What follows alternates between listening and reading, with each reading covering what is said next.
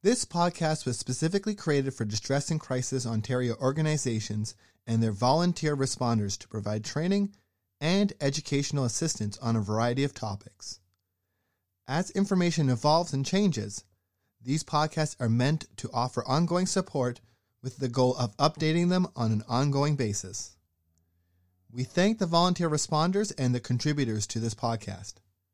Please visit our website, dcontario.org, for more information and how to access free mental health services. Thank you.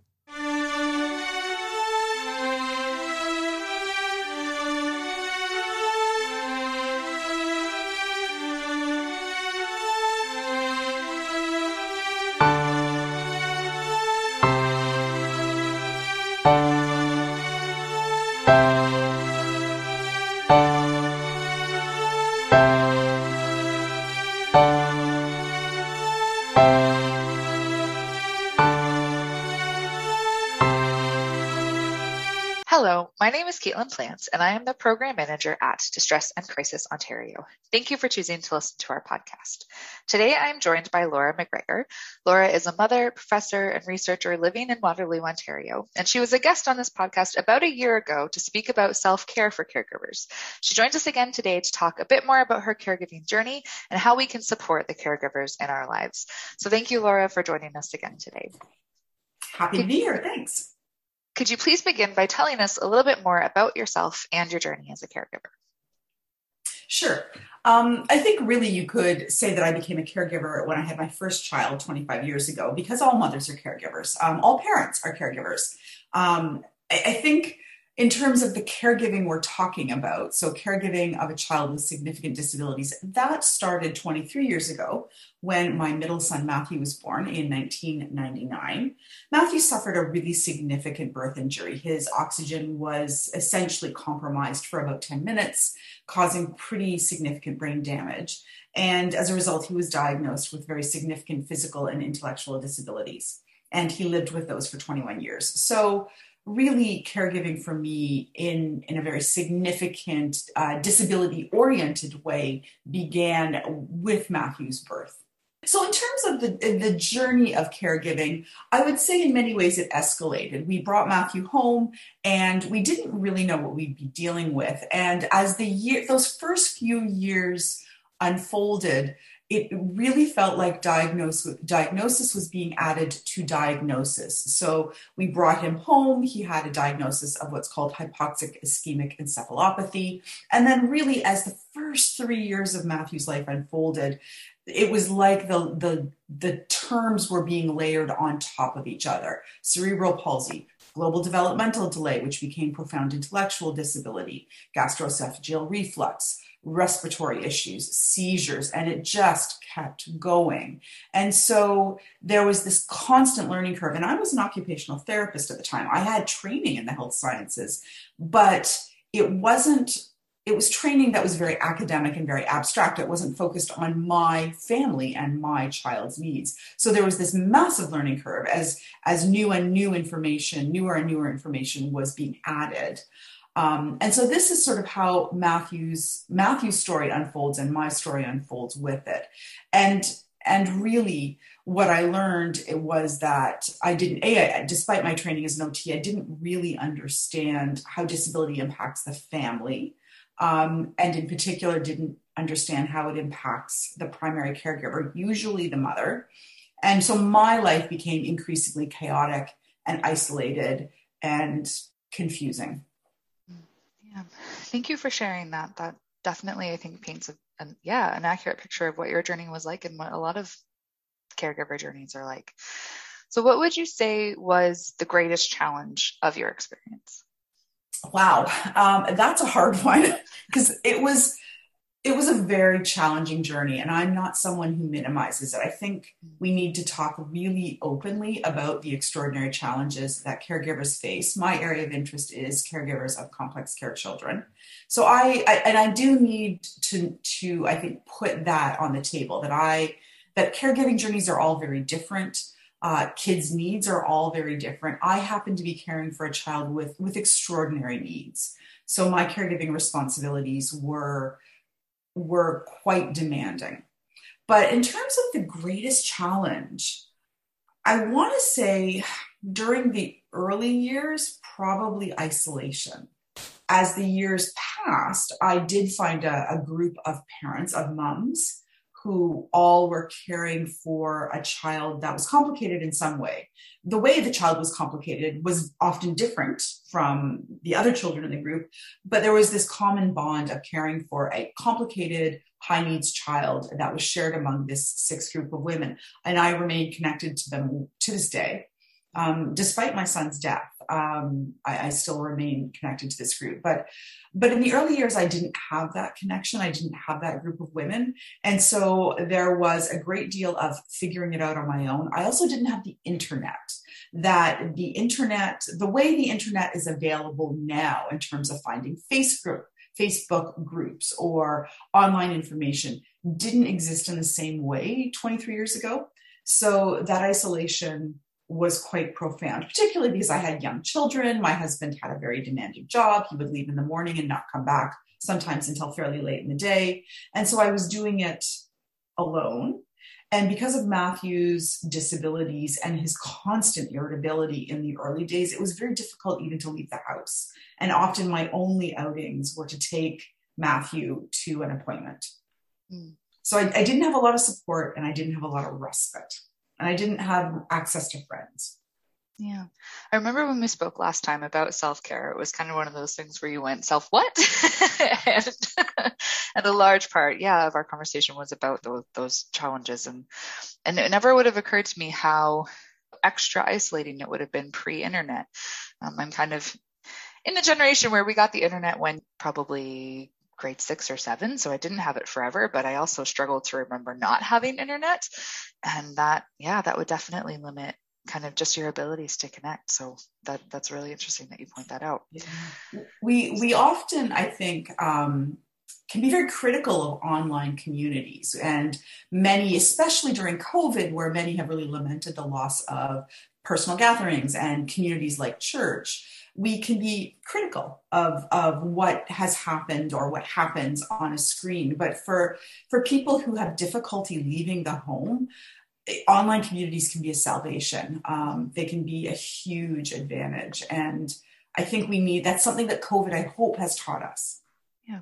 So, kind of on the flip side of that, can you think of any kind of experiences of rewarding moments or kind of milestones that were particularly exciting for you and your son or family?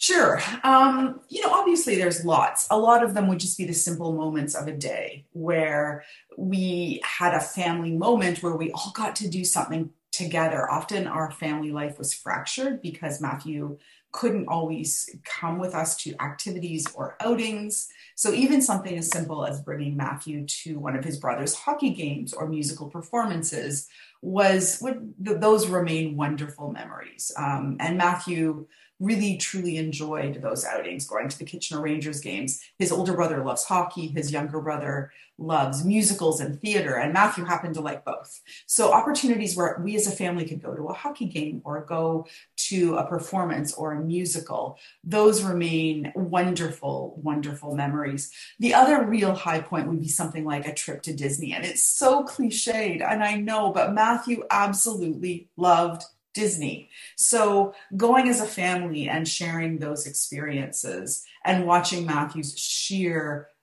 unmitigated joy was just a really wonderful experience. Um, and I think for me, it really, it always centers back to something we could have done as a family because that was at times rare and required some effort.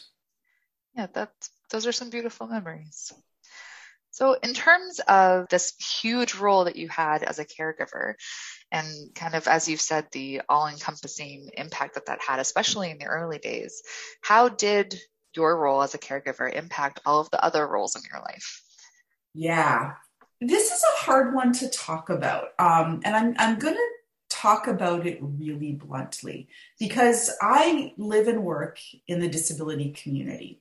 And talking about caregiving is challenging because we want to affirm that we all need care and that all of us, regardless of ability, usually need so we are dependent in various ways upon one another where this the sense of interdependence is very much very much a reality for everyone regardless of disability or ability but some people require more support and care than others we also know that that can also translate to caregiver burden for many people. And so I've had this ongoing conversation with a dear friend who lives with cerebral palsy. And we talk a, a lot about what it's like to be the one who needs care, to be able to live your daily life and flourish and thrive, and what it is to be the one who provides the care and sort of the guilt that happens at both ends but if I were to talk about how my journey of care most impacted me,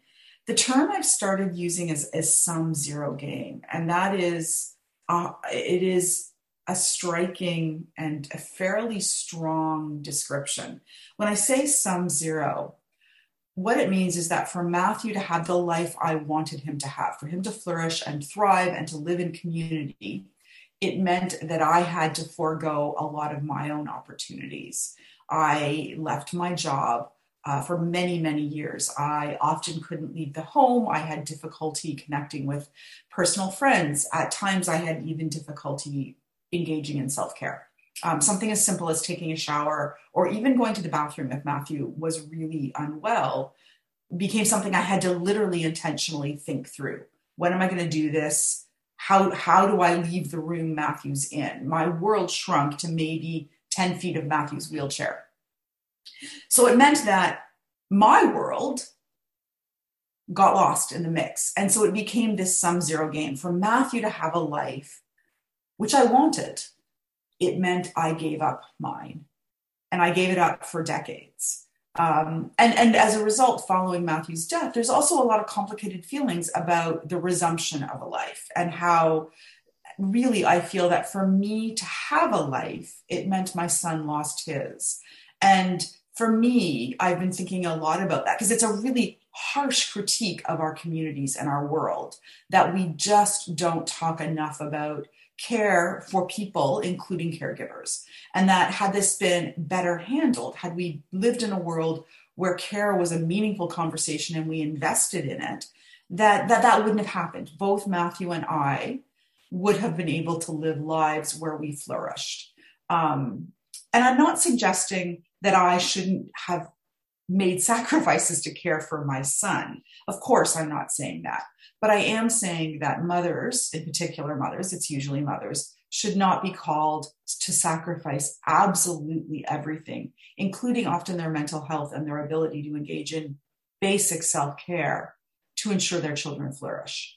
Um, I think we need to do better. And so I, I, would say that's how care influenced my life, but it also opens up a much bigger conversation, I think, about care in our communities and the priorities that we don't attach to care um, and perhaps should.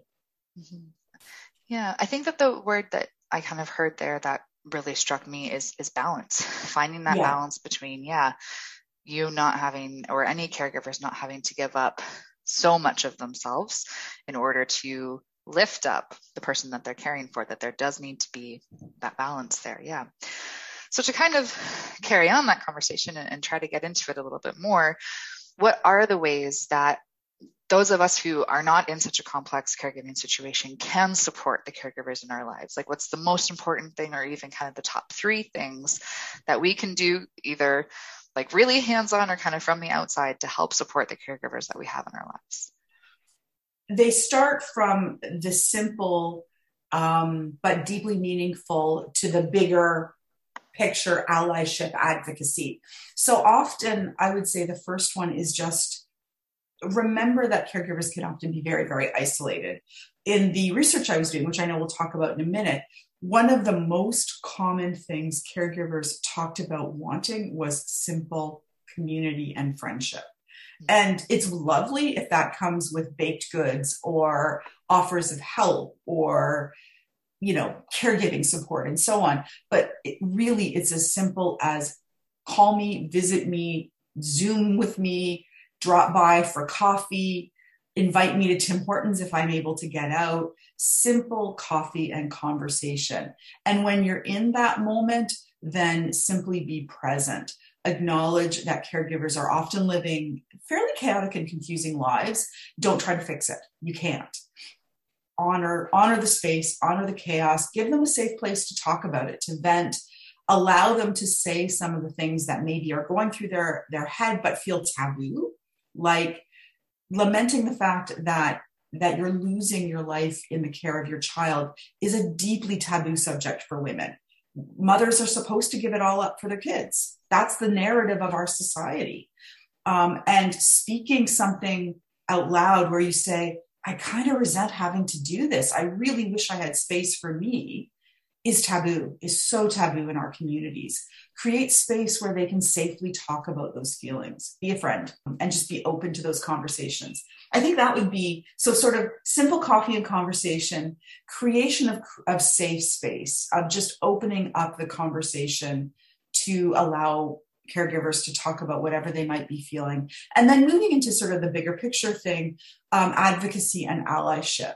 Um, right now, our communities do not do a great job of taking care of people with disabilities and their caregivers. Um, it's in the news right now as we head into a provincial election. So, remember that you can be part of creating change in communities. So, how how are you entering um, sort of relationships with people who have disabilities or who care for people with disabilities? How are you voting? How are you advocating within your community or within your church or within your broader social networks? Do you point out that caregivers deserve support or people with disabilities deserve support? Are you willing to invest your vote and your finances in such a way that creates a world where mothers don't have to make these impossible choices? Yeah, I think that those are all great great examples of what everybody can do. And I, yeah, I appreciate how you kind of did start with kind of the smaller picture and, and build up. And I think even sitting here thinking about even just new moms and, and people who are coming into like simple caregiver roles and the less complex ones, like these things all apply to them as well. And, and when we sit here talking about caregivers, like I don't want people to just think about those extreme situations, but really just think about anybody. And, and those, those things can apply to all of them as well. So yeah. You, no, I would wholeheartedly agree. Investing in caregiving and good care, be it for children who don't have disabilities. So so, good quality childcare, supports for mothers and young families, regardless of disability, all of these things are really worthwhile investments, mm-hmm. um, both in terms of people's quality of life, but overall healthy communities. Absolutely. So, you did touch a little bit on some of, of, the research that you've been doing. And I'm wondering if, yeah, you would like to share a little bit more with us about that and, and just kind of what that journey has been like for you. Yeah, that's been great. So the last year, um, Dr. Allen Jorgenson, who's a colleague at Luther, and I have, with funding from the Louisville Institute, look, been looking at the spiritual care needs and experiences of parents raising children with disabilities in Canadian churches. Um, I know that's a sort of a long sentence there, but really, we were really interested in in what are the experiences of parents who are raising kids with disabilities and how are churches supporting or not supporting them? And we learned a lot. Um, it, it, also confirmed a lot of what we already did know. And that is churches in, in Canada. Um, and the research is consistent that churches in the States too, but we focused on Canada, struggle to know how to support families raising children with disabilities and parents in particular they want to be supportive. Um, parents talk about the fact that they think their communities at times wanted to be supportive, but they struggled to know how to do it. And other parents talked about very, very hurtful stories of just outright exclusion. So that was sort of the first major theme is that churches struggle to do this well. Um, and parents, when asked what they wanted, were very quick to say what we really want is we want a safe place for our child to be part of a community, a community of faith. So I know in the earlier interviews, because I was doing a lot of the earlier ones before the research assistants joined the team, I was a little concerned about how the interviews were going because parents kept talking about church accessibility and church accommodation and how their child was able to get into the church or whether Sunday school curriculum had been adapted to their needs. Um, and I kept thinking this is this is a research project about spiritual care of parents, not about church accessibility or church accommodations. And then it sort of clicked. It's like, whoa, wait a second here. This is about the spiritual care of the parents. one of the most important things for the parents was knowing that their child was welcome, included, accommodated, and in a safe space. And that that was a huge part of their, their spiritual care, um, is, is having all of this in place for their child. Or if it wasn't in place, having a community, a faith community that was really willing to sort of go on the journey of figuring out how to do that and and would see the parent as very much an expert. The parent was brought into conversations where collaborative discussions happened um, and they worked together to try to create this space where their child this child thrived and was part of the community in meaningful ways so that was a huge part. And then going further asking what parents wanted. Well they wanted they wanted friends. They wanted support. A lot of what i just talked about they wanted a safe place where they could talk about their stories and where churches didn't immediately try to insert god into their story. So saying oh here's god in your in your complicated story. They wanted a safe place where they could talk about perhaps their confusion their sense of absence of god their their grief over the direction of their life that has suddenly taken a different turn. Um, so, really, a safe space for them to, to process these very complicated feelings, and at times, complicated feelings that involve, involve God and faith. So, those are those were big big pieces of the study. And they wanted churches and particularly church leaders to seek out educational opportunities for themselves. It was okay that churches were struggling to do this, didn't necessarily know what to do, but they wanted churches to be educating themselves about how to include their children and how to spiritually care for parents. Um, so this is sort of some of the themes that emerged in the research project. It, there's more, but those are sort of the biggies, the highlights. Yeah, I think that's first of all, a really interesting area to go into research when, mm-hmm. yeah, people really do think about faith communities as one of those main bases of support. And, and you kind of, you kind of always expect your church to be there as one of those main foundations of support. And when something happens that kind of maybe shifts things, yeah, how do you navigate those changes and how do you figure out where that support can still fit? And, and yeah, it's, it's really, really interesting research. So thank you so much for sharing that with us. Yeah, you're welcome. Sorry, we and just to say we had a cross section of parents who were connected to a church, but we also actively sought out parents who who either had withdrawn from church or using Facebook language had a relationship that was it's complicated. Um, so we were really trying to to understand sort of this broad experience of church, and so some parents had really positive experiences um, and felt very well included. Those parents tended to be uh, individuals who had long standing relationships with their church. So often they had been involved with their church for many, many years before the child with a disability arrived. So there was a well established relationship. It was when new families were arriving in churches and looking to have a child included where parents were more likely to talk about the story becoming complicated. Mm-hmm yeah, that's that's really interesting. So, kind of as we wrap up uh, our conversation today, is there anything else that you would like to add that we haven't already touched on? What I would just say is people, I think, are so worried about saying or doing the wrong thing. And that sometimes prevents offers of friendship. Maybe take a deep breath and just be a friend and not worry quite so much about saying or doing the wrong thing really, they just usually people just want a friend and coffee.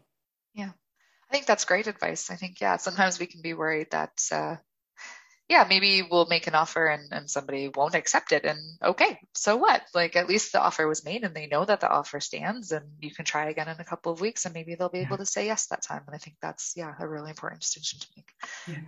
Sorry. And then you're right. The continuing to offer support is really important. I think churches and communities, broadly speaking, are really good during those acute moments where someone is admitted to hospital or someone dies or those sudden moments where things fall apart. It's when people are on this long, protracted story of, of confusion that we often don't know how to walk with them. So yeah, continuing to show up, I think, is a big part of the is a big part of a meaningful response. Thank you so much for sharing that. I really appreciate you joining us today. And yeah, I'm, I'm sure we'll speak again. Great. Thank you so much. That was fun.